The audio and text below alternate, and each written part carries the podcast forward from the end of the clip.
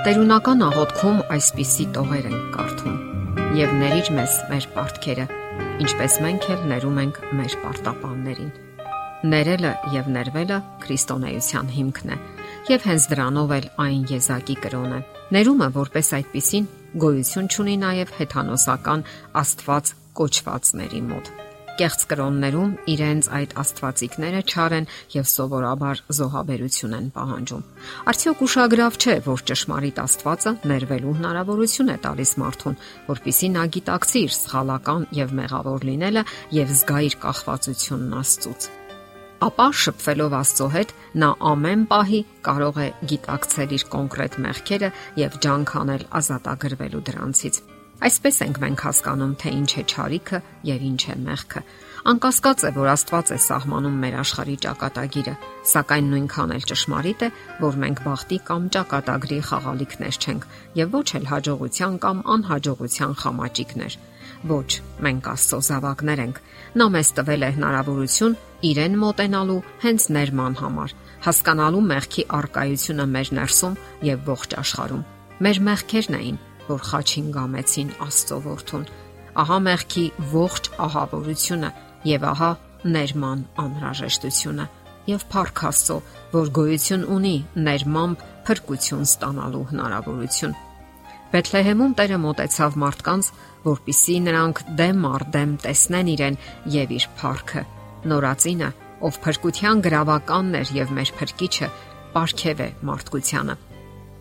Եթե մենք խոնար ենք եւ թույլ չենք տալիս, որ ցածրակարգն ու անարժանը, մեղսավորն ու ունայնությունը հրապուրի մեզ, ապա կարող ենք լսել Աստծո լուրը եւ նրա խաղաղությունը ձեռք բերել, որ վեր է մեր բոլոր պատկերացումներից։ Աստվածաբան Բորեգամը այսպիսի միտք է արտահայտել. Երբ պետք է ուղղել ճարիքը եւ կատարել աշխատանքը, երբ պետք է հրճակել ճշմարտությունը կամ հայտնություն տալ, Աստված աշխարհ է ուղարկում երեխային Ահա թե ինչու շատ դարեր առաջ Բեթլեհեմում ծնվեց նորածինը։ Երբ մեր աշխարհը փրկության կարիք ուներ, Աստված ուղարկեց իր եզակի միածին որդուն, ով միացրեց երկինքն ու երկիրը եւ փրկության հնարավորություն տվեց բոլոր մարդկանց։ Քրիստոսի գալուստը երկու նպատակ էր հետապնդում. մարդկանց համար բացահայտել Աստծուն եւ փրկագնել մարդուն։ Մարդը չի կարող ինքն իրեն փրկել, եւ ոչ էլ դա կարող են անել հրեշտակները, քանի որ թե մենք, թե հրեշտակները արարված էակներ ենք եւ ոչ մեկս մեզ չենք պատկանում։ Միայն նա, ով կյանք ունի իր մեջ եւ կյանքի աղբյուրն է, կարող է զոհել իր կյանքը, որpիսի փրկագնի կործանվող մարդկությանը։ Միայն նա կարող է գravel մեր տեղը եւ մահանալ։ Ուրիշ ոչ մեկը, ոչ մարդ, ոչ էլ հրեշտակ չի կարող ներել ու փրկագնել մարդուն։ Չնայած այն բանին, որ Հիսուսը նույնքան մեծ է, որքան հայրը, այնուամենայնիվ նա մարմնով դարձավ մեզանից մեկը։ Նա մարդկային մարմին ընդունեց, որpիսի նմանվի մեզ, հասկանա մարդկային մարմնի ցավերն ու տարապանքները, տարապի մեզ նման եւ ի վերջո փրկագնի մեզ։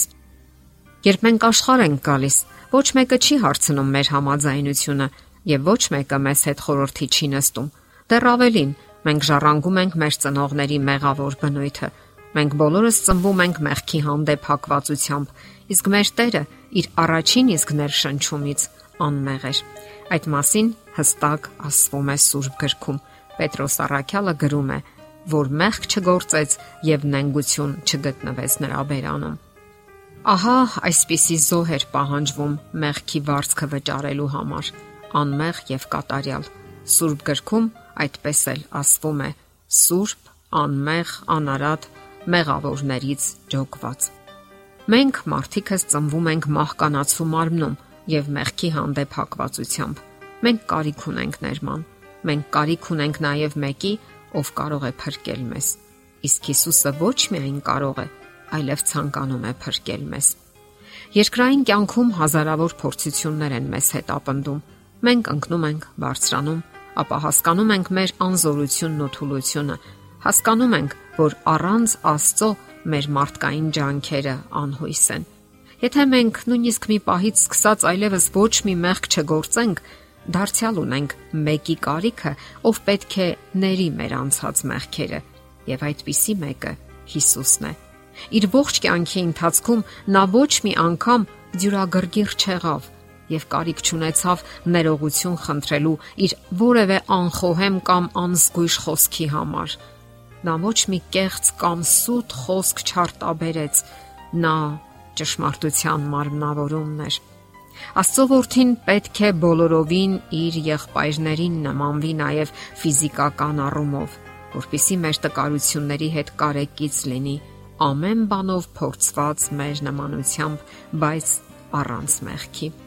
Եվ այնուամենայնիվ նա ոչ մի մեղք չգործեց։ Նա ընդունեց մեր ֆիզիկական կյանքը իր բոլոր թերություններով։ Նա տարապեց քաղցից ու цаրավից։ Նա հոգնում էր եւ կարիք ուներ վերականգնելու իր ուժերը, սնվելու եւ քնելու միջոցով։ Նա կիսեց մեր ճակատագիրը, չնայած կատարյալ Աստծո որդի էր։ Օտարերկրացի, որ ժամանակավոր ժամանել էր իր իսկ արարած երկիր մոլորակը։ Երբ Աստված Քրիստոսին մեղքի զոհ դարձրեց,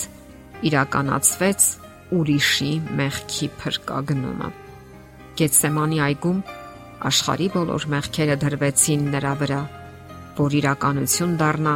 Եսայի մարգարեի մարգարեությունը։ Նա մեր ցավերը վեր առավ եւ մեր վշտերը բեռնեց իր վրա մեր խաղաղության պատիժը նրա վրա եղավ։ Հիշենք այս ճշմարտությունը։ Քրիստոսն է Աստծո ներումը, որ հավերժական կյանք է ապարգևում յուրաքանչյուր մեկին, ով ընդունում է նրան որպես անznական փրկիչ եւ ներող Տեր։